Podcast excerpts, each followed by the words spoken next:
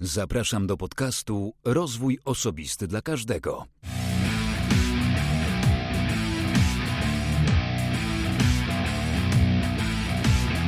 Ja nazywam się Wojciech Struzik, a to już 49. odcinek podcastu Rozwój Osobisty dla Każdego.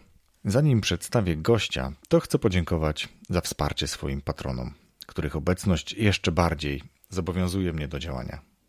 Do szukania ciekawych i wartościowych rozmówców, ale też do nieodpuszczania solowych odcinków, które przyznam ostatnio trochę zaniedbuję. Bardzo Wam dziękuję. Dlatego, jeżeli słuchacie tego podcastu lub drugiego mojego projektu, czyli bajkowego podcastu, to zapraszam także do wspierania obu tych projektów na Patronite. Wystarczy, że wejdziecie na stronę patronite.pl łamane przez RODK. A teraz trochę o gościu. W tym odcinku jest nim Marek Wzorek. Marek jest nie tylko autorem książki Od hierarchii do turkusu, ale jest także właścicielem turkusowej organizacji, którą założył, rezygnując, słuchajcie, z intratnej posady prezesa w dużej firmie. Marek Szacun.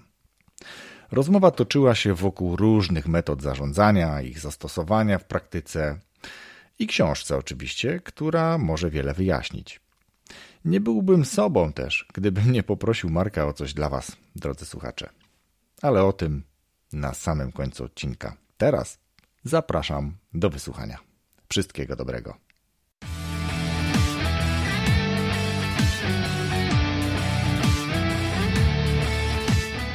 Cześć Marku, bardzo dziękuję Ci za przyjęcie zaproszenia do podcastu.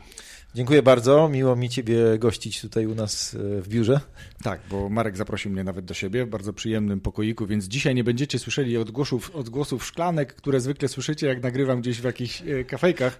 E, za to też bardzo dziękuję, ale teraz jakbyś Marku przedstawił się słuchaczom, czym się zajmujesz, kim jesteś?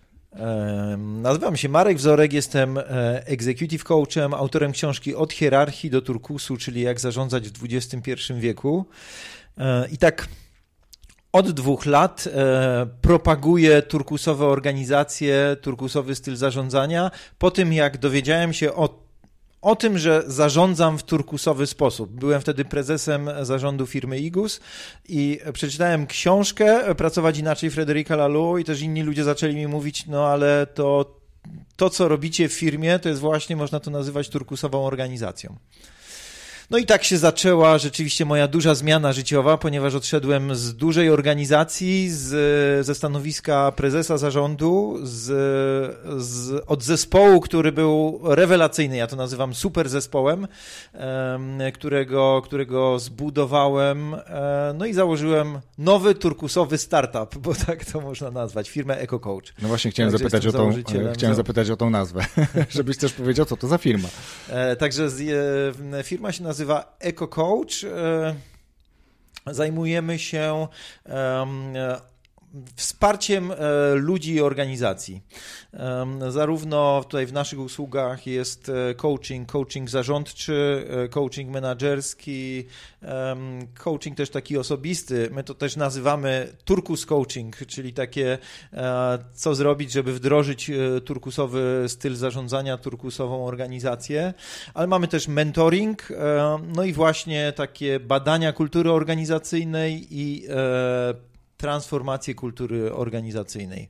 Także takie, e, takie, takie usługi, ale wiesz, no nie chciałbym, żeby tutaj to była reklama Tadam, w jakiś sposób. Loko, lokowanie produktu. No właśnie. Dobrze, Marku, jeszcze powiedz w takim razie, co jest twoją pasją?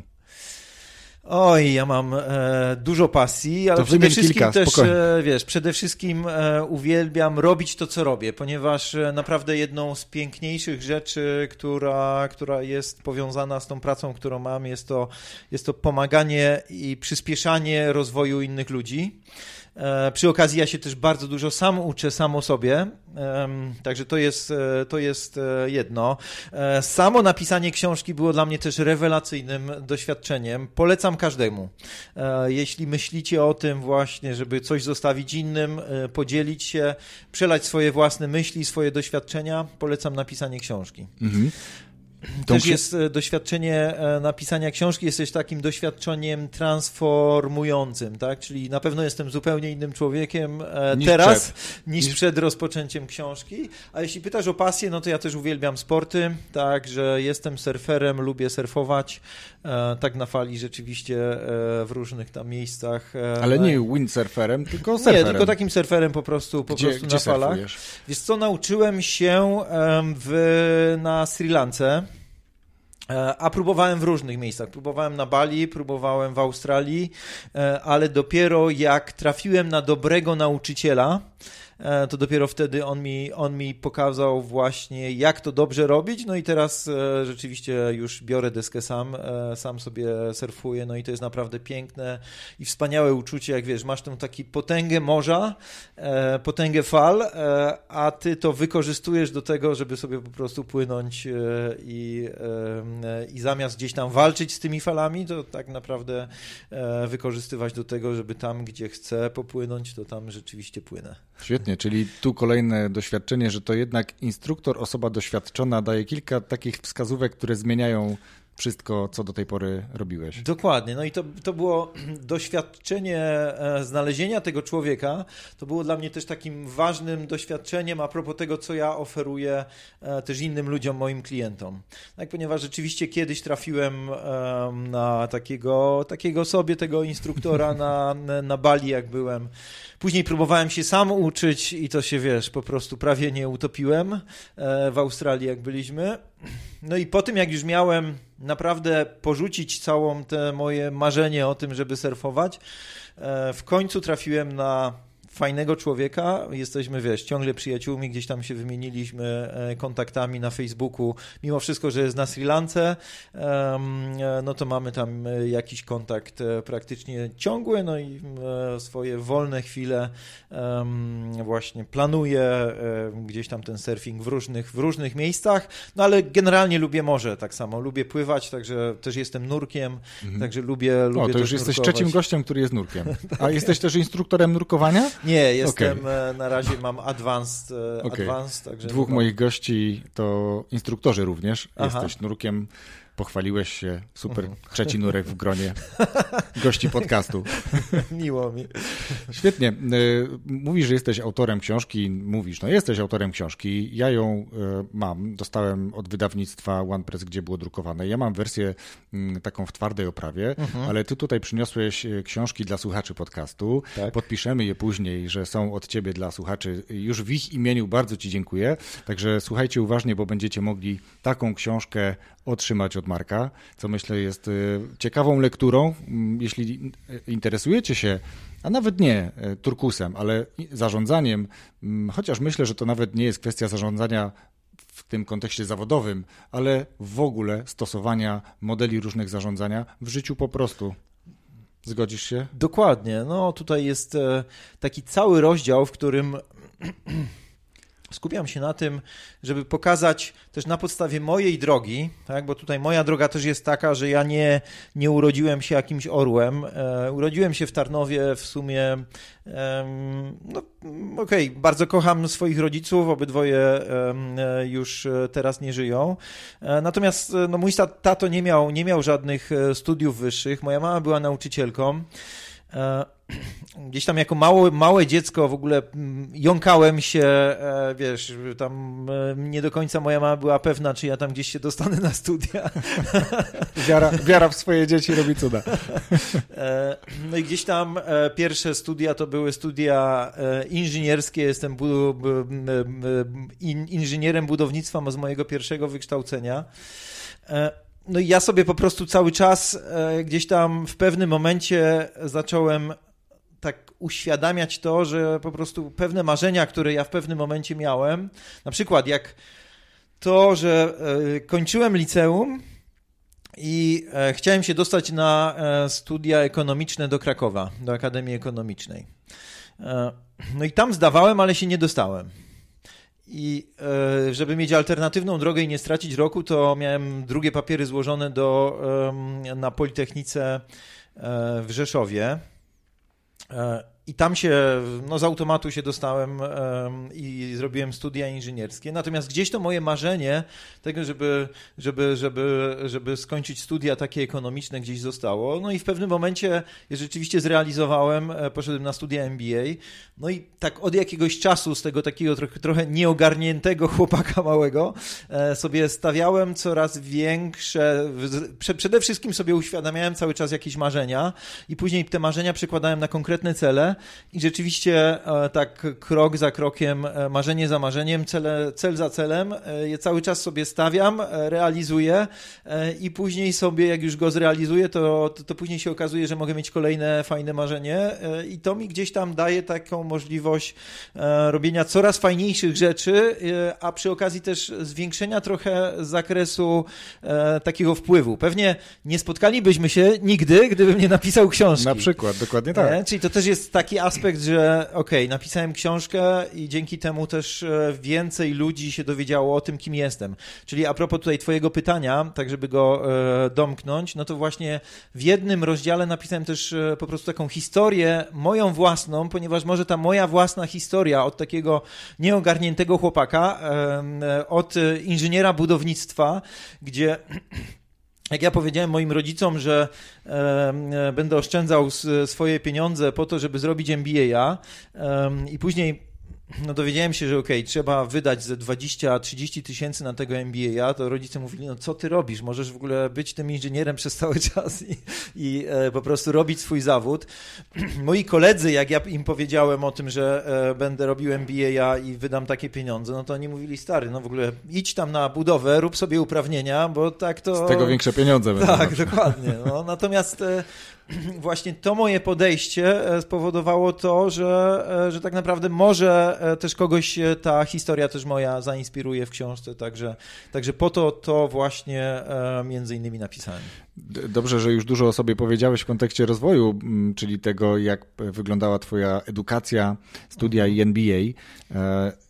A ja chciałem zapytać o to, co się działo później tak naprawdę, bo mówiłeś, że byłeś prezesem, e, zrezygnowałeś tego z bycia prezesem i dzisiaj jesteś e, dalej prezesem, szefem e, swojej, swojej własnej, tak, firmy, swojej tak. własnej firmy. Ale też przy okazji jestem executive coachem, czyli pomagam innym dyrektorom, prezesom, przedsiębiorcom e, zarządzać, zmieniać sposób zarządzania, ale też przyspieszać swój własny rozwój i przyspieszać rozwój organizacji. No i podcast jest o rozwoju osobistym, ale myślę, że inne rozwoje też są istotne. Generalnie rozwijanie samo w sobie. Dlatego jakbyś opowiedział tą historię po studiach, co się wydarzyło, jak mhm. twoja kariera przebiegała, tak żeby być może kogoś zainspirować do działania. Mhm. No to rzeczywiście e, z jednej strony to było gdzieś tam takie mocno ukryte marzenie a propos tego, żeby, żeby, żeby zrobić te studia ekonomiczne. Natomiast jedna osoba, e, pozdrawiam ją bardzo serdecznie, ona będzie wiedziała o kim mówię, e, powiedziała mi, Marek, a może ty byś e, zrobił sobie studia MBA, jakieś studia podyplomowe po to, żeby zwiększyć swój, swój gdzieś tam pójść dalej. No ja wtedy byłem tym doradcą technicznym i zacząłem analizować, no i rzeczywiście wybrałem te studia MBA. I to było rzeczywiście dla mnie taką klapką, która mi się otworzyła, tak? ponieważ w mojej, w mojej rodzinie nikt nie był przedsiębiorcą gdzieś tam nie miałem takiego, takich ludzi w swoim, w swoim gronie. No mhm. zresztą wiesz, byłem wychowany w komunizmie, to za wiele takich wzorców nie mieliśmy. Dopowiemy słuchaczom, że jesteśmy niemalże równolatkami i wiemy dobrze, jakie nastawienie mieli nasze rodzice i jak my musieliśmy się rozwijać sami, bardzo często popełniając gdzieś tam po drodze masę błędów. No tak, dokładnie. No i poznając na MBA-u e, właśnie przedsiębiorców, e, prezesów, E, jakiegoś dyrektora radia, tak samo polskiego, e, mieliśmy nas e, na studiach, to mi się tak trochę od. Taka klapka mi się otworzyła w głowie że wiesz, ja wtedy byłem doradcą technicznym, który zarabiałem jakieś tam marne grosze, pewnie z 2000 zł, jeśli to dobrze pamiętam. Szczególnie w, w porównaniu z takimi prezesami No właśnie, dokładnie. A tam mieliśmy na przykład takiego kolegę e, Mariusza, też cię Mariuszu pozdrawiam, jeśli słyszysz, e, który, który tam ze swojej kurtki, którą gdzieś tam przechował przez całą zimę e, i w niej nie chodził, założył ją na wiosnę i tak wyciągnął taki plik pieniędzy I mówił, o, znalazło się, tak mi się wydawało, że coś mi się zgubiło kiedyś. Na czarną godzinę. tak. No i właśnie pomyślałem sobie to, że patrząc na nich, że oni mieli więcej wolności. Także potrafili podróżować, e, mieli swoje zespoły, innych ludzi dawali zarobek też innym ludziom. Także ja popatrzyłem na to, że oni mogą więcej, taki mają więcej wolności. No ja stwierdziłem, ok, ja też chciałbym e, podróżować, ja też chciałbym mieć swój samochód, chciałbym mieć e, mieszkanie własne, a nie tam e, liczyć na to, że mi w firmie tam udostępnią może raz na jakiś czas e, samochód służbowy i będę mógł nim jeździć. Nie? No i stwierdziłem, ok, co ja muszę zrobić od tego miejsca, w którym ja wtedy byłem jako doradca techniczny, e, do tego, żeby być w ogóle takim dyrektorem, prezesem, właścicielem firmy, co ich takiego, co oni mają takiego wspólnego, a ja tego nie mam. I zauważyłem to, że oni potrafią się w inny sposób komunikować. Czyli tak dla mnie nazwałem to w taki jeden sposób, że oni potrafią sprzedawać. Ponieważ właśnie tam był jakiś e, właściciel e, właśnie tych e, gabinetów, był szef zespołu, że oni potrafią albo w taki dobry sposób mówić sami o sobie, o swoich pomysłach, potrafią przekonywać znacznie lepiej innych ludzi do tego, żeby zrobili to, co oni chcą, a nie robili tego, co ja chcę. No i stwierdziłem, że ja się tego muszę nauczyć. Tak? I ja z tego stanowiska doradcy technicznego firmy budowlanej Um, pomyślałem, ok, no to muszę się nauczyć sprzedawać, czyli sobie postawiłem cel, ok, przede wszystkim zapisałem ten cel i to było takie kluczowe, tak? Ja teraz jako coach to wiem, że to, że ja sobie zapisałem ten cel i postawiłem sobie na poziomie tożsamości, nie wiem, czy kojarzysz coś takiego jak piramida Dilsa, ale to jest takie, taki, taka metoda, którą my coache e, wykorzystujemy po to, żeby pomóc ludziom e, tak jakby przyspieszyć zmianę, ponieważ mamy, wykorzystujemy pewną dźwignię, która przyspiesza proces zmiany. Że ja sobie postawiłem cel na poziomie tożsamości, że ja chcę być tam tym dyrektorem albo, albo prezesem.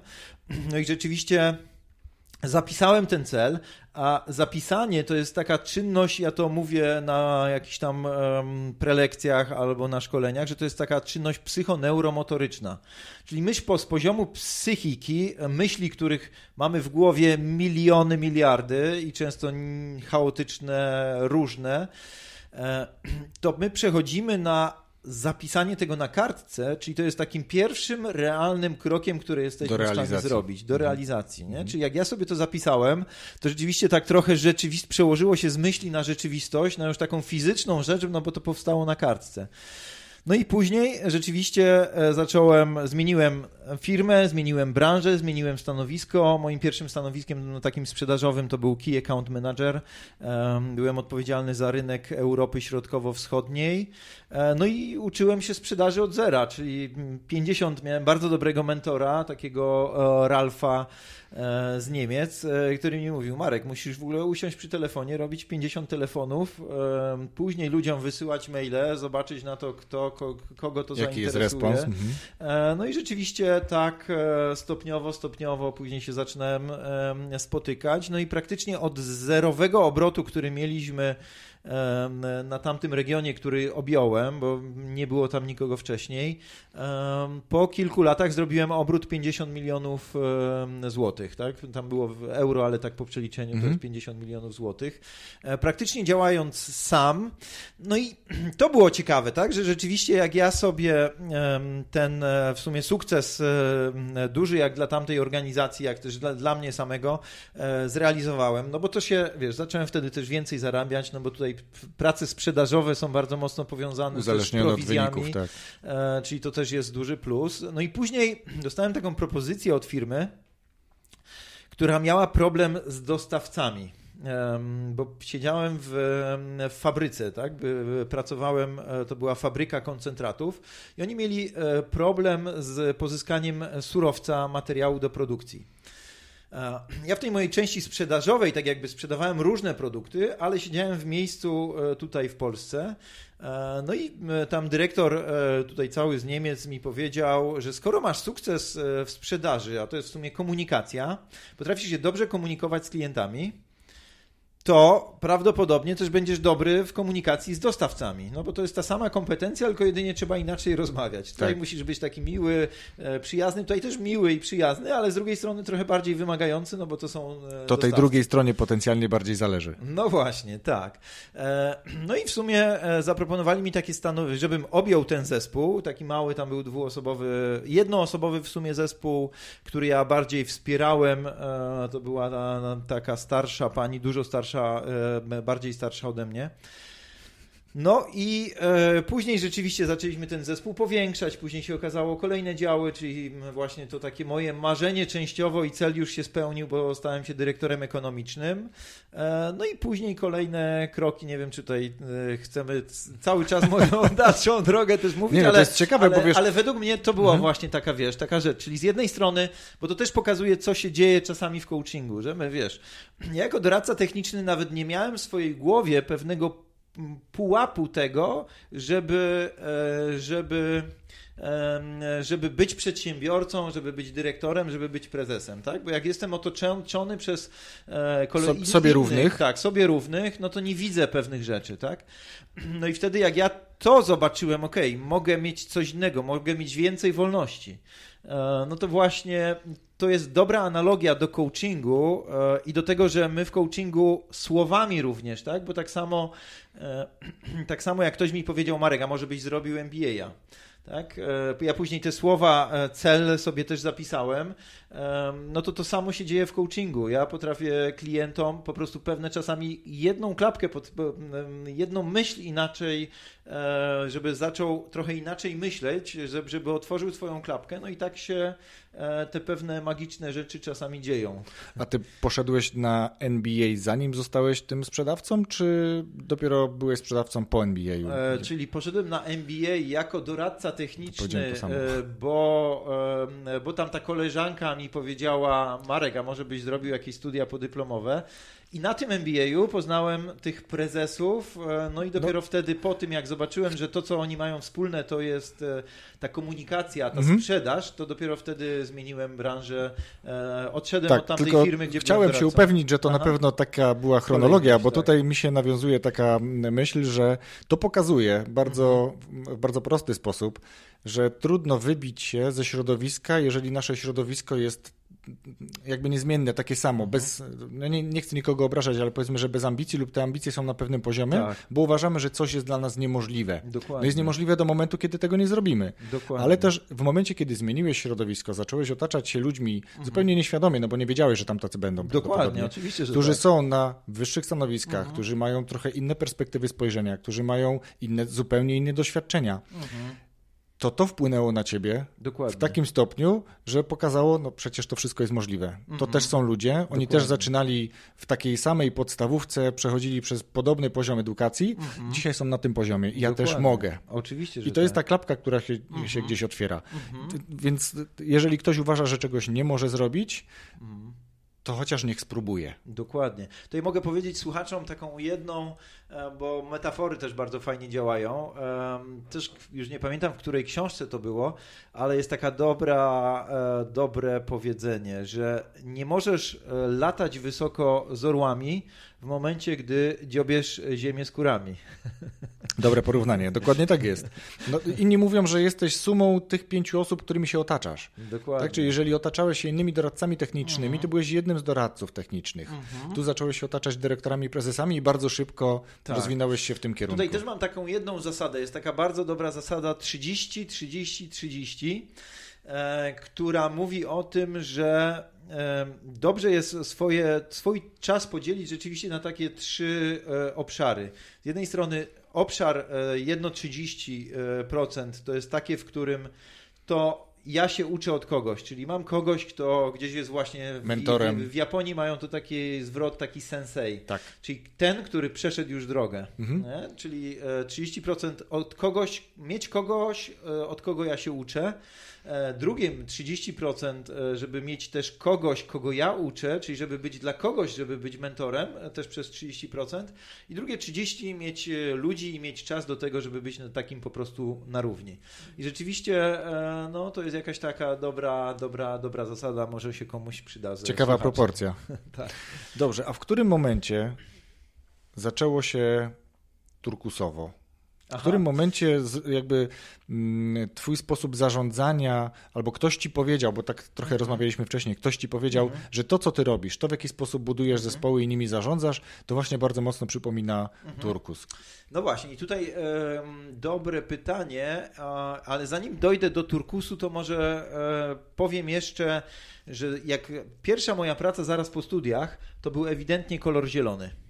E, bo trafiłem do takiej szwedzkiej organizacji, czyli to była ta branża budowlana moja, e, rewelacyjna atmosfera z e, prezesem Szwedem, jedliśmy sobie pizzę, rozmawialiśmy o różnych rzeczach, naprawdę bardzo dobre doświadczenie, że ja tak jakby zaraz po studiach trafiłem na kolor zielonej kultury organizacyjnej. Nie do tak, czerwonej, jak nie do czerwonej, większość jak większość okazję. moich kolegów budowlańców. Czerwonej, bursztynowej. Nie, nie tylko budowlańców. No, generalnie to, to, był taki okres, kiedy wchodziły do nas y, bardzo mocno firmy i mhm. zarządzały y, autorytarnie, no właśnie. kopiowały swoje praktyki z zagranicy, no, no tak. lata 90., mhm. początek 2000. Mhm. No to ty miałeś tak. naprawdę duże szczęście. Tak, no trafiłem rzeczywiście na takiego e, szefa e, Kenta Johanssona, zresztą e, świętej pamięci, ale naprawdę e, inspirujący lider. E, zresztą też oni bardzo dużo, to była duży koncern SAP-a, oni dużo poświęcali też e, właśnie budżetu, inwestowali w swoich pracowników, mieli takie programy The Leadership Development Program, wiele obecnych organizacji nawet nie ma takich, takich programów. E, no i później, po tym jak właśnie to, co, tą historię, którą powiedziałem, czyli trafiłem na MBA, później trafiłem, e, stwierdziłem, że zmieniam, no i trafiłem do takiej organizacji, której kolor e, zarządzania bym nazwał właśnie taka, wiesz, czerwona, czerwona bursztynowa, to też tak jedna krótka historia pokazuje, jaki to był, jaka to była kultura organizacyjna. E, ja po tym, jak pracowaliśmy w tej szwedzkiej firmie i wszyscy byliśmy na ty, do tamtego Kenta Johanssona, który był pewnie ze dwa albo dwa i pół raza starszy ode mnie, mówiliśmy na ty. E, trafiam do tej niemieckiej firmy, e, trafiam do kolegi, który wydaje mi się, że 3 lata starszy ode mnie, czyli stosunkowo młody. E, podpisaliśmy umowę, jesteśmy na lotnisku Chopina tutaj w Warszawie. Ja już go żegnam, on tam leci do Niemiec. No ja pomyślałem, ok, no to zaczynamy współpracę, mamy wszystko podpisane. No to ja mu mówię, Ralf, a byliśmy do tej pory na, na, na pan, to wiesz co, może przejdźmy sobie na ty, bo tak będzie nam się lepiej współpracowało. A on mu powiedział do mnie po angielsku, Mister Wzorek. you made your first mistake in, your, in, in our company. czyli um, um, Pierwsza rzecz, jaką że zaproponowałem mu przejście na ty. On mówi, w naszej kulturze organizacyjnej, w naszej firmie się mówi tylko na pan. No tak. tak, czyli to była tak trochę pokazuje, jaka to była kultura organizacyjna. No i ja tam rzeczywiście doświadczyłem takie rzeczy, no, które z jednej strony pamiętając tą um, tą zieloną szwedzką, firmę. Tak, szwedzką. tą zieloną mhm. firmę, no to okej. Okay. Znaczy miałem rewelacyjnego mojego szefa, tego bezpośredniego, tego Ralfa. Naprawdę dużo się od niego nauczyłem. Jesteśmy cały czas w bardzo dobrych relacjach ale cała organizacja i cały właśnie tam zarząd, e, no to były właśnie taki, taka struktura, mocno ustrukturyzowane. E, prezes mnie potrafił wysłać e, i, i, i, nie tylko mnie, ale innych osób z dnia na dzień wręcz do Chin, jeśli była taka potrzeba dla, dla organizacji, w ogóle nie pytając to, czy ja tam chcę, czy nie chcę, po prostu tak. takie dyrektywne zarządzanie. No i w pewnym, no i tak, z jednej strony ja awansując, czyli stając się dyrektorem ekonomicznym, a e, w pewnym momencie tak się tam pozmieniało i przez te takie turbulencje, które były ze względu na ten właśnie sposób zarządzania, to tak naprawdę byłem dyrektorem generalnym firmy w Polsce, e, dyrektorem fabryki, a praktycznie nie miałem wpływu na pewne decyzje, bo decyzje ktoś podejmował z centrali. No to stwierdziłem, ok, to nie jest to moje, to nie jest do końca realizacja tego mojego marzenia, które mhm. miałem, żeby być takim właśnie przedsiębiorcą, żeby decydować o tym, żeby budować firmę. E, no i stwierdziłem, ok, poszukam sobie innej branży, szczególnie, że też ta branża taka, e, że tak powiem, koncentraty owocowe, spożywcza, to nie była bardzo bliska temu mojemu budownictwu. czyli wykorzystywaniu mojego, mojej e, wiedzy takiej inżynierskiej. No i rzeczywiście taka była mu, mój cel, znaleźć sobie firmę, gdzie rzeczywiście ja będę tworzył ten zespół. No i e, szukając, rzeczywiście znalazłem stanowisko dyrektora zarządzającego firma IGUS.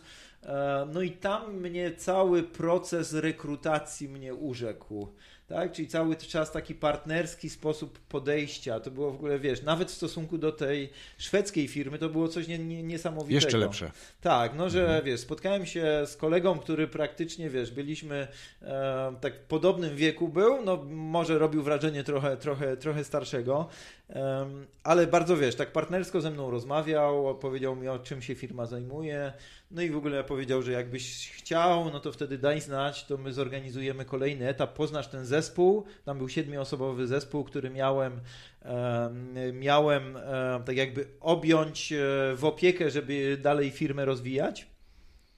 No i rzeczywiście później, jak ja sobie przemyślałem, jak najbardziej, kurczę, taka firma, branża właśnie taka, gdzie z jednej strony technologiczna, bardzo mocno innowacyjna, produkują z roku na rok od 100 do 200 nowych produktów, branżę od branży samochodowej e, poprzez e, branżę offshore, medyczną, naprawdę najróżniejsze dziedziny.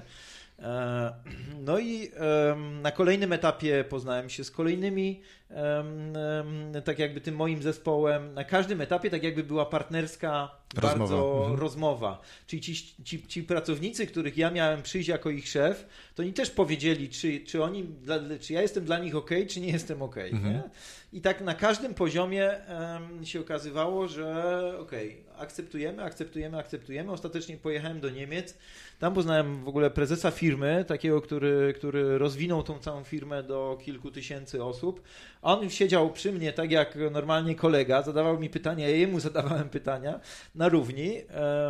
No i później jak zacząłem pracować, to tam się pojawił taka, taki, taka, taka innowacja, która mi się bardzo podobała, mianowicie E, odejście od takiej e, właśnie hierarchicznej piramidy, tylko strukturą organizacyjną firmy był układ solarny.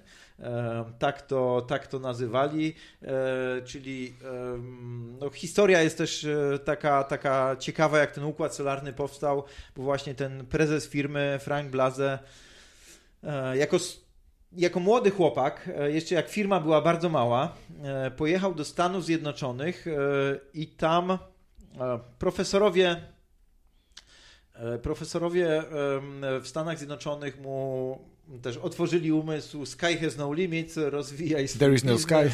Tak. E, no i rzeczywiście on później e, z tych Stanów Zjednoczonych wrócił do Niemiec, no i chciał się rozwijać jako, jako młody, młody, młody menadżer. Trafił do ogromnej korporacji, no i trafił na dolny szczebel, gdzie jedyną możliwością, jaką miał, żeby poprawić organizację, poprawić współpracę z klientami, był przekazywał e, jakby te pomysły do swojego najbliższego przełożonego. No i niestety te pomysły padały w próżnię. Nie szły, nie szły dalej. Dokładnie. Bardzo często tak jest. To jest to, co wielu z nas pewnie słuchających gdzieś tam to doświadczyło. Ja też to doświadczyłem e, w swojej, w swojej pracy e, wcześniej. No i on znalazł na to rozwiązanie. On stwierdził, że odchodzi od tej dużej korporacji, nie będzie tam tracił swojego czasu i energii, wrat, wróci do tej małej garażowej firmy swoich rodziców, tylko on stwierdził, ta w samej strukturze jest problem, tak? Ta struktura powoduje to, że okej, okay, człowiek jest na dole i ma ponad sobą swojego przełożonego, też ma blokadę często komunikacyjną, żeby coś zaproponować komuś innemu. On tylko może to proponować do swojego przełożonego. Tamten znowu musi pytać kolejnego, kolejnego, kolejnego. No i jest po prostu. Głuchy telefon się później z tego telefon, robi. Dokładnie. E, no i stwierdził, ok, to trzeba narysować strukturę organizacyjną w sposób zupełnie nowy, innowacyjny. Tak? No i stwierdził, że narysuje nową i zacznie rysować od osoby, która jest najważniejsza w firmie. No i stwierdził, ok, bez kogo firma by nie mogła istnieć? Właściciela, prezesa. Mhm. Właśnie nie. nie. On okay, no tak, że okay, no tak właśnie. naprawdę firmie potrzebny, potrzebny jest Ludzie. klient. A klient? klient nie? Okay. No bo w momencie, gdy nie ma klienta, no to tak naprawdę firma zbankrutuje, tak? Mhm. Że firma potrzebuje najpierw klienta, żeby ona mogła funkcjonować. No i stwierdził, ok, to zacznę rysować i tutaj na, narysuję klienta w samym środku. Mhm. No i później kolejne działy, czyli na przykład dział sprzedaży, no bo żeby ten klient e, miał z kim rozmawiać, miał z kim rozmawiać mhm. no to jest sprzedaż. Później marketing, później produkcja. I tak jakby zaczął to e, układać te poszczególne działy dookoła tego klienta. No i stwierdził, ok, no ale też ten mój tato, który jest pre prezesem, takim tak zwanym Geschäftsführerem po niemiecku. tak.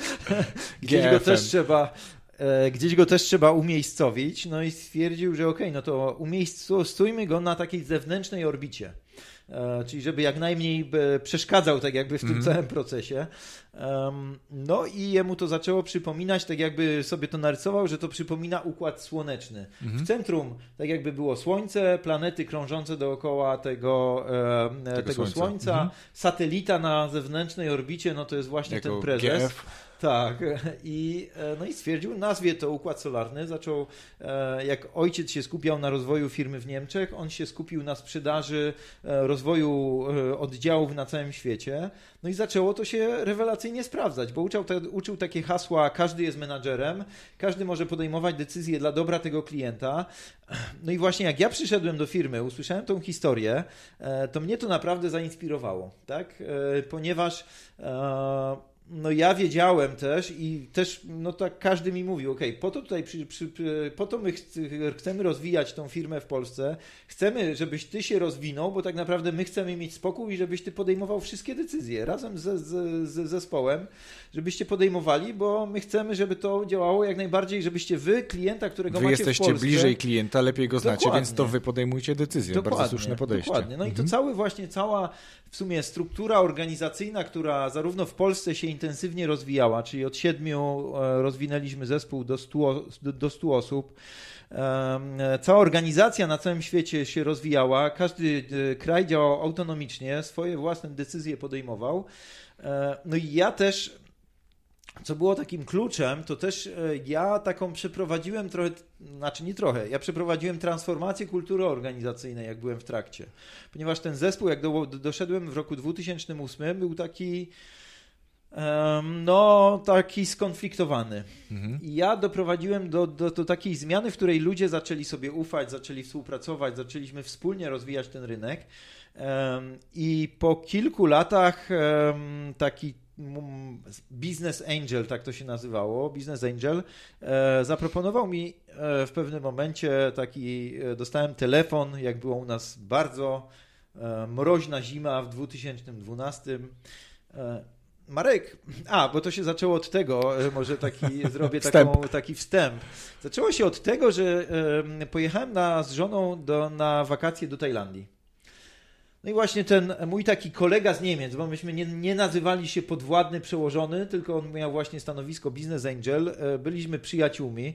E, wróciłem z tych Tajlandii, on mi mówi, Marek, jak tam było e, w tej Tajlandii? Ja mówię, rewelacyjnie, jakbyś kiedyś szukał country managera do Tajlandii, daj mi znać, ja chętnie się tam przeniosę. A wiem, że on jeździł często do Singapuru. Tam, Uważaj na to, co mówisz, co? Tak, on odpowiadał za cały kraj. No i to było w tym, że w 2010 byliśmy w Tajlandii i tą mroźną zimę, czyli ja też tym, tym słowem trochę mu zainstalowałem pewną rzecz w jego głowie, że on zadzwonił e, do mnie wtedy w 2012 i mówi Marek, wiesz co, czy nie chciałbyś może wyjechać na Singa do Singapuru?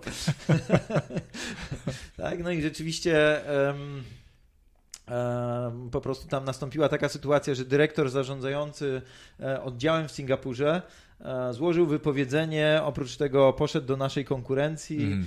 no i tam generalnie taki zespół dość, był dość mocno skonfliktowany i po tym jak ja przeprowadziłem taką skuteczną transformację kultury organizacyjnej tutaj w Polsce, mm to mi zaproponował, że okej, okay, tam też jest wyzwanie w Singapurze. E, fajnie by było, jakbyś pojechał tam, żeby znaleźć dyrektora zarządzającego dla tego oddziału. Jakby ci się spodobało, to możesz tam zostać i generalnie żyć.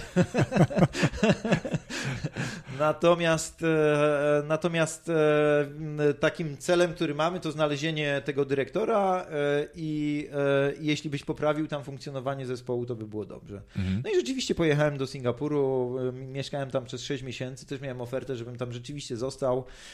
Pewnie by to było też ciekawe, ale miałem taką rodzinną sytuację, chorobę mamy, taty, w której no niestety też zarówno dla mnie, jak i dla nich ze względu na chorobę, no to też podjąłem decyzję, to była bardzo dobra decyzja też, że wracam do, do, do, do Polski. Polski. Mhm.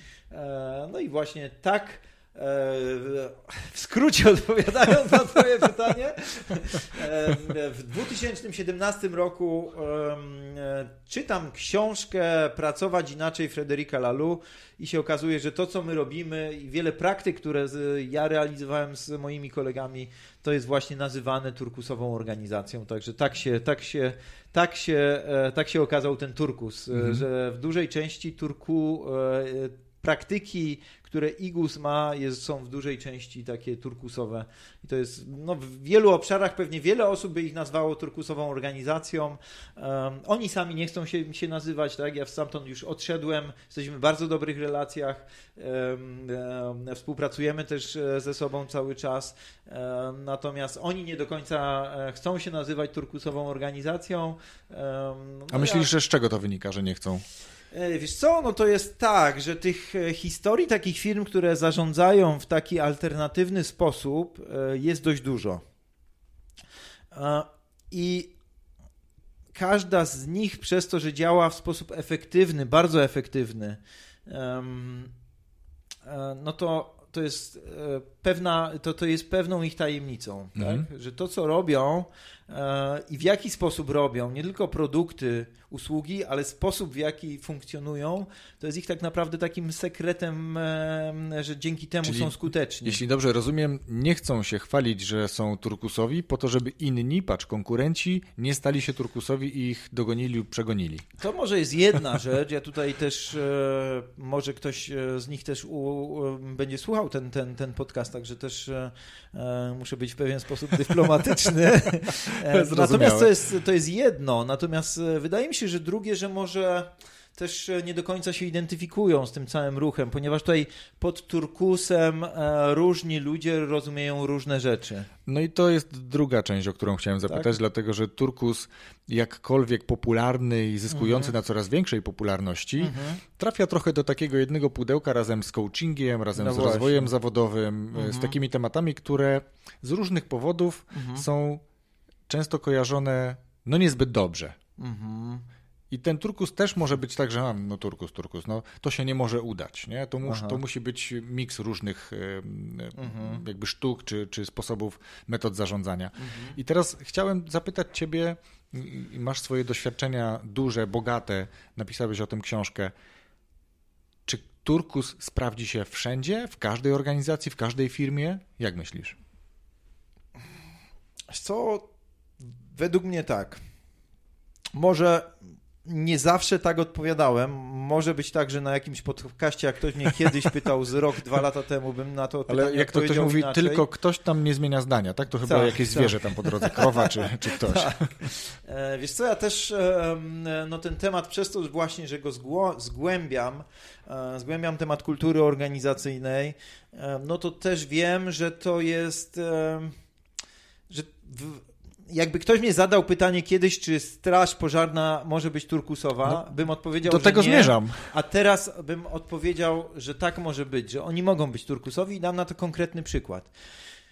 Że jeśli straż pożarna i zespół straży pożarnej ma do ugaszenia pożar, to na ten moment gaszenia pożarów pewnie rzeczywiście najbardziej efektywnym i skutecznym e, sposobem zarządzania, szczególnie jeśli są tam tacy strażacy, którzy zaczęli z miesiąc temu dopiero, to najlepszym sposobem zarządzania będzie taki czerwono-bursztynowy, czyli taki, ok, ty robisz to, ty robisz to, ty robisz to, taki trochę właśnie bardzo, bardzo dyrektywny i to będzie najbardziej skutecznym e, sposobem zarządzania na tamten moment.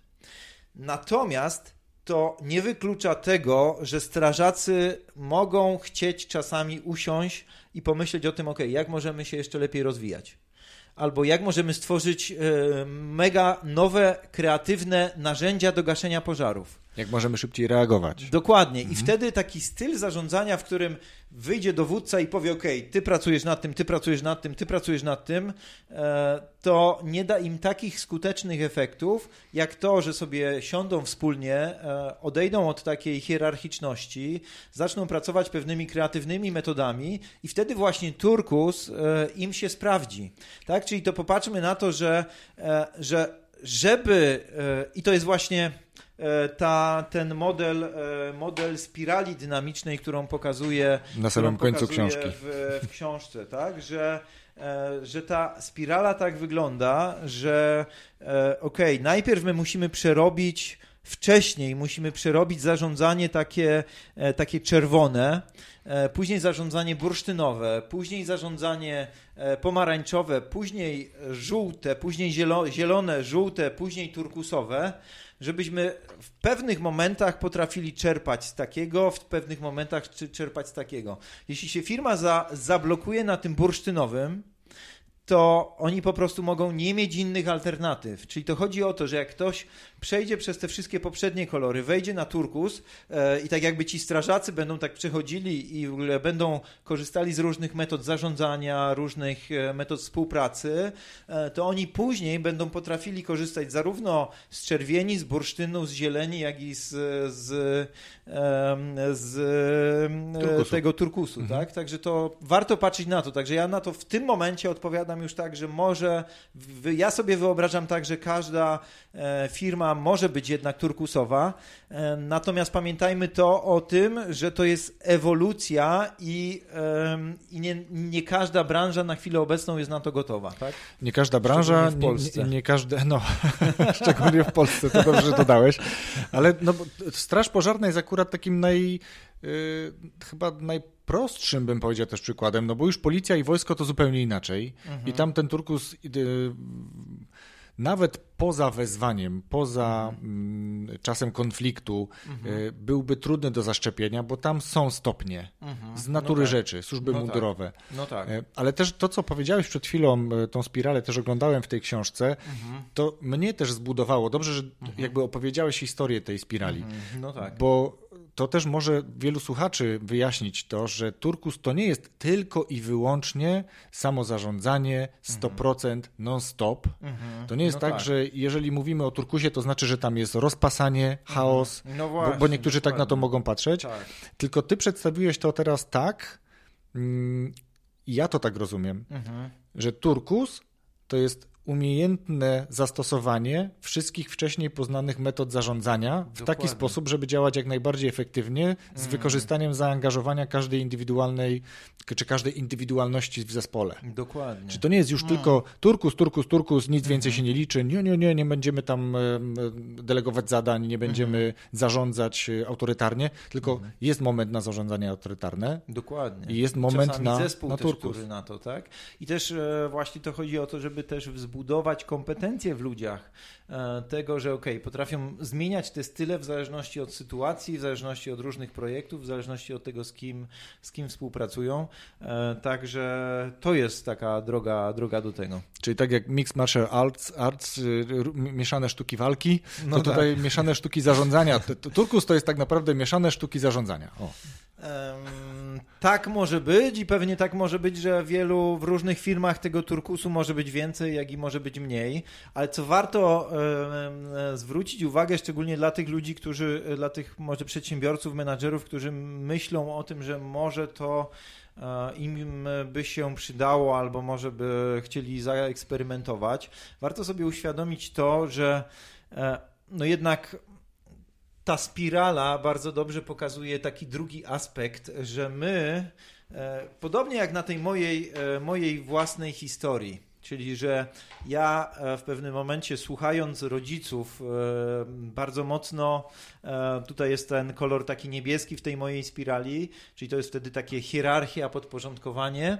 Ja się wtedy wybiłem na kolor pomarańczowy, bo chciałem coś zrealizować swojego. Chciałem mieć swoje własne pieniądze, chciałem mieć swój własny sukces, czyli przeszedłem do pomarańcza i ta ta spirala pokazuje, że my z każdym poziomem, tak jakby wychodzenia wyżej, mamy więcej wolności. Mhm. Czyli właśnie to, co mnie tutaj e, praktycznie e, mam taką wewnętrzną siłę, która mnie cały czas pcha dalej, to jest to, że ja mam e, poczucie, że ja mogę e, mieć więcej wolności na każdym kolejnym poziomie, który realizuję. Mhm. Tak? E, że że ta spirala pokazuje, jak też osiągać wolność, że ona też pokazuje, że nad każdym kolejnym poziomem mamy więcej wolności. I e, po to mówię, e, to ten aspekt, że jeśli są pracownicy, a zarówno ja się do takiego zaliczam i współpracuję też z takimi ludźmi, którzy doświadczą pracy na poziomie turkusu, to e, czyli na tym takim wysokim poziomie wolności osobistej, wolności takiej firmowej, organizacyjnej, e, jak byśmy mieli trafić do jakiejś takiej mocno schierarchizowanej organizacji, gdzie tej wolności mamy znacznie mniej, to często się tam nie znajdziemy. Tak? Czyli jeśli e, ten rynek będzie i szedł w takim kierunku, że będzie coraz więcej takich firm, które E, oferują Turku, oferują taki styl zarządzania, oferują taki firm, e, styl współpracy. Coraz więcej ludzi będzie to doświadczało i będzie chciało w tym przebywać, to później e, coraz mniej będzie tak jakby chętnych ludzi pracować w tych takich warunkach mniejszej wolności. Mhm tak, że to jest na przykład to, co mi się do, to, to co ja doświadczyłem, że pracując w takich turkusowym środowisku, tworząc takie środ, turkusowe środowisko, trafiłem w tamtym roku na studia doktoranckie do pewnie, naj, znaczy nie pewnie, najlepszej uczelni w Polsce, uczącej zarządzania. E, no i ja tam doświadczyłem e, tej znacznie mniejszej wolności niż ja, do której ja jestem przyzwyczajony. E, no ja musiałem zrezygnować z tego doktoratu tak? Właśnie z tego względu, że e, po prostu e, no, no, wtedy człowiek się czuje jak tam z każdym poziomem tego rozwoju i wchodzenia na tą spiralę, e, spiralę dy, dynamikę spiralną, tak jakby zaczynam coraz bardziej rozpościerać skrzydła, trafiam w takie środowisko, w którym te skrzydła mi chcą odciąć, no to ja się tam ciężko mi je znaleźć. No i z tego względu ludzie, którzy doświadczą turkusu, to będą mieli albo dwie opcje, czyli albo założą swój własny biznes, tak jak ja teraz zrobiłem i założyłem swój własny biznes, który jest e, turkusowy, albo druga rzecz, że będą chcieli zmieniać to miejsce, w którym pracują właśnie na turkus. I przyznam szczerze, że to się zdarza e, coraz częściej. Przynajmniej ja mam wiele ofert od ludzi, którzy by chcieli dołączyć do mojego zespołu. E, inne firmy turkusowe wiem, że też tak mają, a duże korporacje często e, wydają ogromne budżety na to, żeby przyciągnąć pracowników, e, mają ogromną rotację, e, ludzie od nich odchodzą, szukają czegoś innego, lepszego. No i to może następować i będzie następowało. Ja tutaj nie mam żadnych wątpliwości, ponieważ też się zmienia podejście młodych pracowników, e, właśnie tych milenialsów, e, jeśli kogoś przyzwyczaimy do e, takiego bycia przedsiębiorcą, jak nawet ty mówiłeś o swoim synie, tak, że on mhm. poczuje to, że w ogóle po prostu on może sam zarabiać na siebie, tak. no to też poczuje, zaczyna czuć już tą wolność od najmniej, najmłodszych lat i później przyjdzie do jakiejś firmy, w której przyjdzie, tak jak w książce pisze, czasami głupszy od niego prezes albo dyrektor i zacznie mu mówić rzeczy głupie, które on wie, że one są głupie, no to wtedy po prostu nie będzie chciał w takim miejscu pracować, bo ta spirala, ona też pokazuje na to, że my na każdym z tych poziomów zmieniamy swój sposób myślenia i trochę więcej myślimy, tak to nazwijmy, tak? Że na tym niższych poziomach e, to też trochę tego myślenia jest trochę mniej. Ja nie chcę tego, nie chcę e, upraszczać tej całej spirali, bo spirala jest naprawdę bardzo skomplikowaną teorią. E, ja, który w różnych momentach, w różnych środowiskach mogę być zarówno czerwony, niebieski, pomarańczowy, jak i, jak i turkusowy, jak i bursztynowy, to też nie jest tak, że człowiek jest e, jednokolorowy, tylko tak. w zależności od kontekstu, mhm. w zależności od wieku nam to też się zmienia. Są branże, które są jak najbardziej, czy zdecydowanie bardziej podatne na turkus i to są pewnie wszystkie startupowe, wszystkie nowotechnologiczne i no te, tak. które produkują mm, mhm. technologie czy rozwiązania technologiczne, aplikacje. Tak. E, zdecydowanie one bardziej się poddają pod turkus i, i tam łatwiej jest to zaszczepić, takie mam tak. obserwacje, tak. mhm. a zdecydowanie trudniej jest zaszczepić w firmach, które po pierwsze mają dłuższy staż, są mhm. starsze, mają wiele lat doświadczeń, e, ale najczęściej w tym systemie cały czas hierarchiczny one się jakby rozmnażały, jakby zaszczepiając w nowych oddziałach czy w nowych krajach te same metody, te same struktury i tam ciężko jest kogokolwiek przekonać do tego, że taki model rozwiązania może uprościć wiele procedur, może zaoszczędzić wiele kosztów, może no tak. zmniejszyć rotację. Tam uważają ludzie, że, że to nie sprawdzi się. Jak myślisz, z czego to wynika? Bo spotykasz się z prezesami, najczęściej no tak. oczywiście z turkusowymi prezesami, którzy, no, którzy opowiadają, którzy opowiadają o tym, jak, jak ten turkus u nich wygląda i że, że oni oddali zarządzanie ludziom, na przykład, tak Aha. tak jak na ostatnim webinarze. Aha. Ale są firmy takie, gdzie no, nie ma szans, nie, nie przebijesz. Mhm. No rzeczywiście tak jest, tak? Ja tutaj w książce daję taki dobry przykład jak czasami to bywa. Ja tutaj korzystam e, z takiego, e, z materiałów e, i z takiego mojego mentora Suzuki Roshi, taki, taki nauczyciel Zen z, ze Stanów Zjednoczonych. Chciałem powiedzieć z Japonii. Z Japonii, tak, z Japonii, ale on. wywodzi się z Japonii, ale. Wywodzi się okay. z Japonii, mhm. ale, ale, ale nauczał głównie w Stanach Zjednoczonych. E, I on daje taki przykład, że jeśli ktoś chce właśnie w tej takiej drodze zen osiągnąć oświecenie, co tam jest e, właśnie gdzieś tam też takim celem, e, zarówno w zen, jak i w buddyzmie, to, to przychodzą właśnie często ludzie do niego i mówią mistrzu, co ja mam zrobić, bo tutaj w zen jest bardzo mocne takie, takie, takie podejście mistrz do ucznia, co ja mam zrobić, żeby osiągnąć to oświecenie. No i on to daje taki przykład, że bierze filiżankę, filiżankę z herbatą i nalewa do tej filiżanki wodę tak do pełna. I mówi, popatrzcie, to jest twój umysł. I ty chcesz coś więcej. Ty chcesz w ogóle osiągnąć oświecenie, ty chcesz w ogóle wejść na wyższy poziom e, świadomości, na bycie mądrzejszą osobą, na rozumiejącą lepiej siebie i świat. E, natomiast popatrz, co się dzieje. E, przyszedłeś do mnie pytać mnie o coś, natomiast to, co ja ci powiem, to będzie wyglądało tak jak woda, którą zacznę teraz dolewać do, e, do tej filiżanki. Tak? Czyli do pełnej wody, do, do filiżanki pełnej wody zaczyna dolewać wodę. I nie jest w stanie, wiadomo, dolać mhm. więcej wody do pełnej filiżanki. Ta będzie woda się, się zaczyna rozlewać. E, no i właśnie to jest taki przykład, że najpierw trzeba wyciągnąć z tej głowy coś, tak? Najgorzej mają ludzie, którzy, ja to zauważam po, po rozmowach e, właśnie z prezesami, z dyrektorami. E, najgorzej mają ludzie, którzy myślą, że już zjedli wszystkie rozumy tak? A rzeczywiście to jest duże zagrożenie. Wiem, bo sam przez to przeszedłem, tak? E, w momencie, gdy człowiek cały czas awansuje, ma mnóstwo sukcesów, firma się rozwija, e, wszystko idzie do przodu. E, często to są ludzie najbardziej też bogaci w organizacji, nikt im nie jest w stanie powiedzieć czegoś, co robią źle. To wtedy to ego tak samo u nich bardzo mocno rośnie. Tak? I im się wydaje, że po prostu zjadli wszystkie rozumy, i wtedy rzeczywiście no to jest przykład wielu organizacji, tak? Wiele takich firm, które i właśnie takich prezesów, takich przedsiębiorców, którzy myśleli, my to rozumiemy wszystko, my wiemy, my jesteśmy najlepsi, to często jest taki sposób myślenia, jest pierwszym krokiem do tego, żeby zbankrutowali, żeby stracili rynek, żeby, e, żeby gdzieś tam e, przepadli z całego rynku. Także tutaj trzeba trochę z tego, e, z tej filiżanki odlać, i właśnie między innymi to, co robię, czyli coaching, jest takim sposobem do tego, żeby, żeby zadać takie pytanie, ok, czy tam może e, w tej filiżance nie jest za dużo pewnych rzeczy, e, które warto odlać i warto na, na, nalać nowego. Mhm. Tak? To jest też to, co zresztą powiedział, powiedział Einstein, też do tego między innymi służy, służy coaching, zresztą to też jest cytat w tej książce, że nie rozwiążemy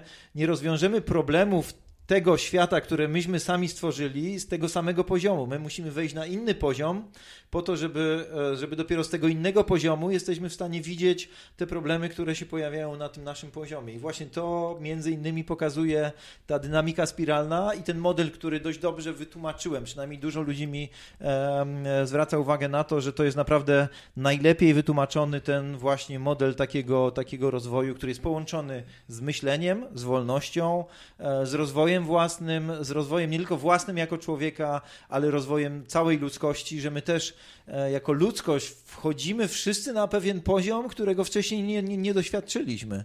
Tak? Ja tutaj piszę też o tym, że że właśnie e, już nie giniemy z powodu wojen ani z powodu e, napadów jedni na drugich, tylko w tym momencie mamy problem nadmiaru. Tak? To jest taki problem, który występuje na świecie. Mamy problem ze śmieciami, mamy problem z otyłością, mamy problem z nadwagą, mamy problem z cukrzycą, mamy problem z rakiem i to zabija ludzi najwięcej. E, stres, depresję, samobójstwa. Samobójstwa, tak. E, I to jest to, tak? Zresztą tam też jest... Chyba najwięcej osób ginie w wyniku samobójstw. Tak, no jest milion, milion ludzi rocznie ginie od samobójstw. Akurat ja jestem też prelegentem, czyli akurat w tym tygodniu i w poprzednim mówiłem na ten temat. E, Masz I, bieżące informacje. Tak, i WHO um, prognozuje, że niestety te statystyki się będą po powiększali. Jak w tym momencie co 40 sekund człowiek popełnia samobójstwo, to e, do 2020, czyli za rok, te statystyki się podwoją, czyli że co 20 sekund ludzie będą popełniali samobójstwo. Ilość depresji u młodych ludzi e, w Stanach Zjednoczonych w wieku 16 lat e, powiększyła się chyba o 40% z tego co pamiętam. 67% pracowników badanych w roku 2018 przez Galupa deklaruje, że doświadczyła wypalenia zawodowego. Tak? To pokazuje to, że ten naprawdę ten, ten świat, w którym e, przyzwyczailiśmy się funkcjonować przez ostatnie kilkadziesiąt lat, powoli się naprawdę kończy, tak? I wymaga to zmiany paradygmatu zarządzania, zmiany paradygmatu myślenia. E, no i właśnie te tendencje, które słyszymy i które coraz więcej ludzi zaczyna podnosić, tak? Czyli między innymi e, właśnie e, dbanie o naszą matkę ziemię, od naturę, dbanie o takie też tendencje do tego, żeby poznawać samych siebie. Coraz więcej słyszę ludzi, którzy mówią, że zaczynają medytować, że zaczynają stosować jogę, zaczynają stosować coaching jako metoda rozwoju e, z siebie samego. Także tutaj zaczynamy rozumieć to, co zresztą też e, cytuję w e, ostatnim rozdziale książki Johna Naisbita, futurologa, że największa przemiana, jaka nastąpi w XXI wieku, to nie nastąpi z powodu zmiany technologii, tylko nastąpi z powodu zmiany podejścia, co to znaczy być człowiekiem. Tak? Harari. Tutaj też się kłania. Tak, Harari porusza, tak samo, dokładnie. rzeczywiście. No, także Harari tutaj też e, e piękne są. Trochę tego czarnowictwa też jest, ale to, to, to chyba tak. po to, żebyśmy mm, obudzili się, opamiętali i mhm. zaczęli realizować e, trochę globalnie mm, dobre podejście, a nie globalnie to, które, mhm. słowo globalnie kojarzy się niekoniecznie dobrze. Tak? Globalna mm. gospodarka, globalny postęp, czyli takie zalewanie tą, tą negatywną mm. energią. Tak, no ale po, popatrzcie, ja też o tym piszę, że w sumie ciągle też, no bo e, tytuł książki miał być Świat bez hierarchii. Tak, że e, akurat tutaj po rozmowie z wydawnictwem zmieniliśmy to od hierarchii do turkusu, e, ale taka, taki miał być tytuł, że takim problemem, który w tym momencie funk funkcjonujemy, to jest tak naprawdę taka hierarchia, która jest zarówno na poziomie organizacji, jak i zarówno na poziomie świata, ponieważ My mamy też duże oddzielenie na przykład nas, Europejczyków, w stosunku do e, Afryki. Afryki. Frak, a, Afryki, tak? Ponieważ tam mamy ciągle, myśmy kilka lat temu byli z żoną w Gambii, e, no i naprawdę bieda, jaka tam jest, e, tak, e, no to jest po prostu nawet nie do pomyślenia, tak. Myśmy tam, jeden z takich kolegów, których tam poznaliśmy, zaprosił nas do siebie, do swojej rodziny, żeby poznać jego dzieci, żeby poznać jego rodzeństwo. No i myśmy pomyśleli, no to przywieziemy im, e, musimy coś kupić, żeby dać tym dzieciom jakieś prezenty.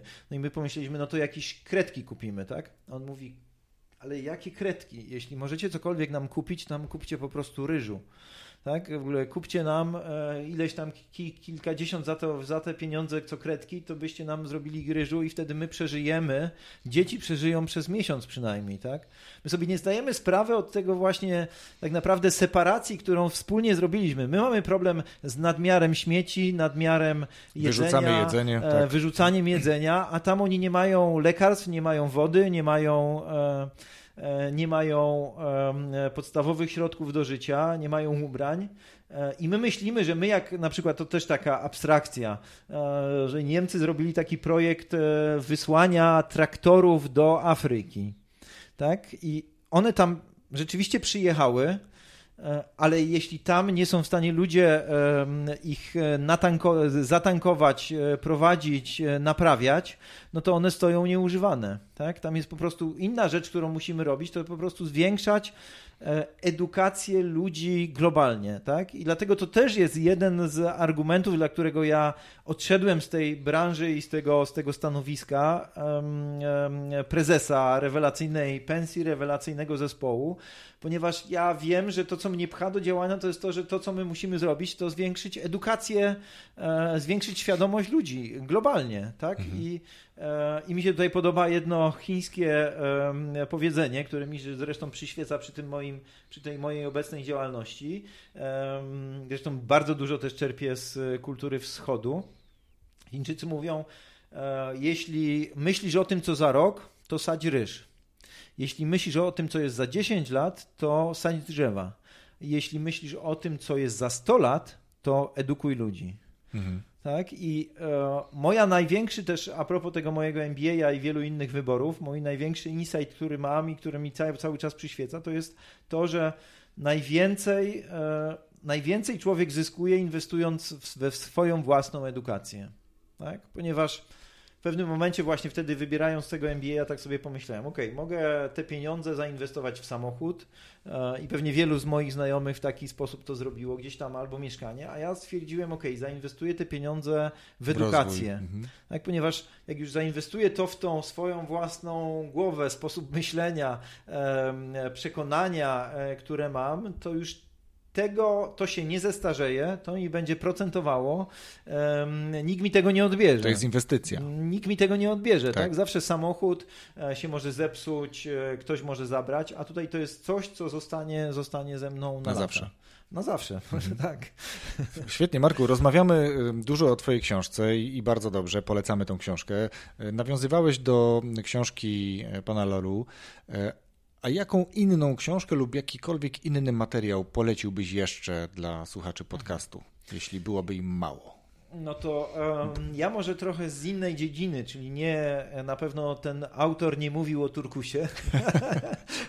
Także z tego względu mówię, że to jest inna dziedzina, e, ale dla mnie ta książka, o której zaraz powiem, no jest naprawdę e, taką książką, która dużo zmieniła w moim życiu. I między innymi pewnie dzięki temu mówimy teraz o Turkusie, że kiedyś przeczytałem tą książkę. E, to jest książka e, Lao Tse, Tao Te Ching. Mhm. Nie wiem, czy kojarzysz? Nie. To jest, Lao Tse jest mędrcem, który żył 600 lat przed naszą erą E, I to był taki, ja, ja, się śmieję, ponieważ ja jako executive coach e, pracuję najczęściej właśnie z dyrektorami, prezesami, e, a on był takim trochę takim executive coachem dla cesarzy chińskich tamtego czasu. Tak? On um, um, pomagał im w sposobie zarządzania. I ja w tamtej książce, tam jest wiele mądrych rzeczy. Między innymi to, co um, zmieniło mój sposób zarządzania. Taki właśnie cytat, w którym przeczytałem sobie, to są takie krótkie teksty. Um, przeczytałem, e, zacytuję i, e, i, polecam też słuchaczom przemyśleć sobie, których, którym liderem jesteście, ponieważ to jest taki też na podstawie tego oparłem metodę opracowania tego, jakim liderem jesteś. Także proszę słuchać, cytuję. Najlepszym przywódcą jest ten, którego ludzie nawet nie zauważają. Drugim jest ten, którego szanują i kochają. Trzecim przywódcą jest ten, którego się boją, a czwartym ten, którym gardzą i przeciwko którego się przeciwstawiają. Jeśli brakuje ci wiary, nikt nie będzie ci wierni. Światli ludzie, e, światli przywódcy trzymają się na uboczu i oszczędzają słowa. Ludzie realizują swoje zadania i mówią: Sami tego dokonaliśmy. Tak, czyli tutaj e, ten cytat mówi o tym, że takim właśnie najlepszym przywódcą jest ten, którego tak naprawdę doprowadził zespół do takiego stanu, że on, no właśnie tutaj jest taki etap samozarządzania, czyli ludzie, każdy ma jasny zakres obowiązków, wie co robi, I wtedy rzeczywiście mówimy o tym samym zarządzaniu, o którym mówi Frederic Laloux e, 20 wieków e, później, tak? No. I, to jest, I to jest niesamowite. Ja sobie e, w momencie, gdy przeczytałem ten cytat, to ja sobie zadałem e, takie pytanie, którym ja typem lidera jestem? Czy ja jestem rzeczywiście e, takim, którego nie widać, takiego, którego szanują czy kochają, czy takim, którego się boją? I niestety na tamten czas e, właśnie pracowałem w tej niemieckiej firmie, tej takiej, tej e, takiej mocno hierarchicznej. Mocno czerwonej. Mocno czerwonej. Musiałem niestety sobie odpowiedzieć na to pytanie, no niestety. Zarządzam w taki sposób, że chyba się mnie boją. E, boją mhm. Tak? No i to mi dała, tak jakby te cztery stopnie, mi dało to, że okej, okay, na tym drugim poziomie to jest taki lider, który, którego szanują i kochają którego zespół szanuje i kocha. No i pomyślałem sobie, jak ja to mogę zrobić, tak? I e, to, jak ja to mogę zrobić, to przede wszystkim, przede wszystkim muszę zacząć samego kochać i szanować, tak. później zacząć szanować i kochać innych ludzi i jak ja to będę robił, to wtedy oni mogą mi to zwrócić, czyli, czyli oni mnie mogą wtedy szanować i kochać. E, no i rzeczywiście to jest drogo, to, to jest ten cytat jeden, e, mocno zmienił mój sposób zarządzania, no i gdzieś tam cały czas się tego trzymam. No i to jest idealny przykład E, wielu turkusowych liderów, których ja poznałem. To są właśnie tacy ludzie, którzy po prostu doprowadzili tą organizację do takiego stanu, że ona dobrze działa od strony finansowej, e, fajny zespół, każdy wie co robi i tam jest takie wrażenie właśnie, że każdy dokłada swoją cegiełkę, firmę tworzą wrażenie, że oni wspólnie działają. No i właśnie e, polecam tą książkę. To jest tylko jeden mały cytat, a tam jest mnóstwo mądrych innych cytatów. E, drugi cytat, który pozwolił mi też zmienić częściowo życie mi i mojej żonie, to jest to, że są tylko dwie drogi do realizacji szczęścia w życiu. E, możesz tylko robić to na dwa sposoby. Albo chcieć wszystkiego i wszystko mieć, to jest jeden sposób, a drugi sposób to jest nie chcieć niczego i niczego nie mieć.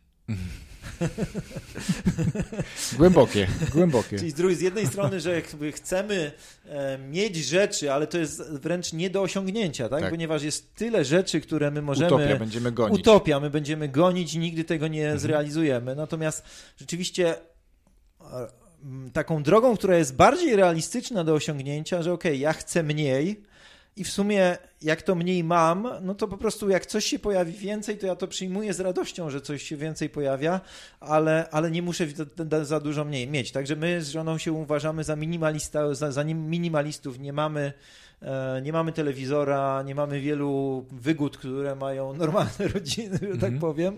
E, natomiast nam to się bardzo dobrze sprawdza i rewelacyjnie się z tym czujemy. Świetnie, gratuluję. E, ja Cię bez problemu, Marku, znalazłem w sieci, ale żebyśmy też podpowiedzieli słuchaczom, którzy, którzy chcieliby zapoznać się trochę bardziej z tym, co robisz, mhm. Mm, jakie treści publikujesz, bo, mhm. bo też to robisz. Tak, tak. Gdzie najlepiej Ciebie szukać?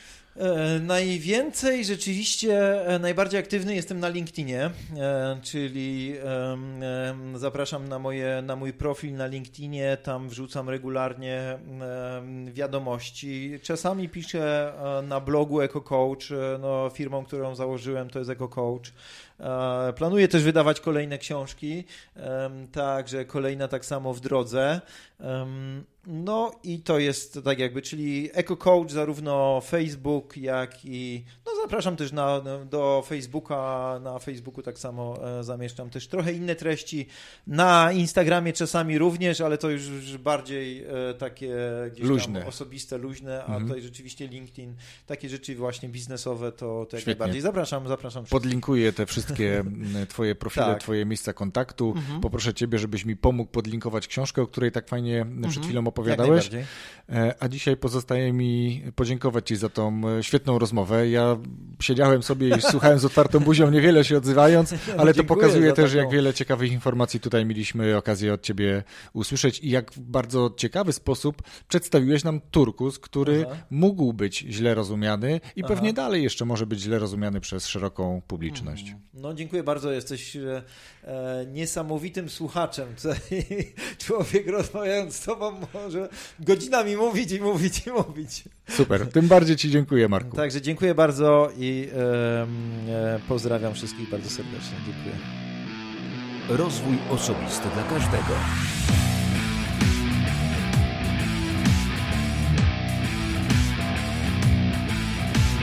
Dziękuję za wysłuchanie tej rozmowy.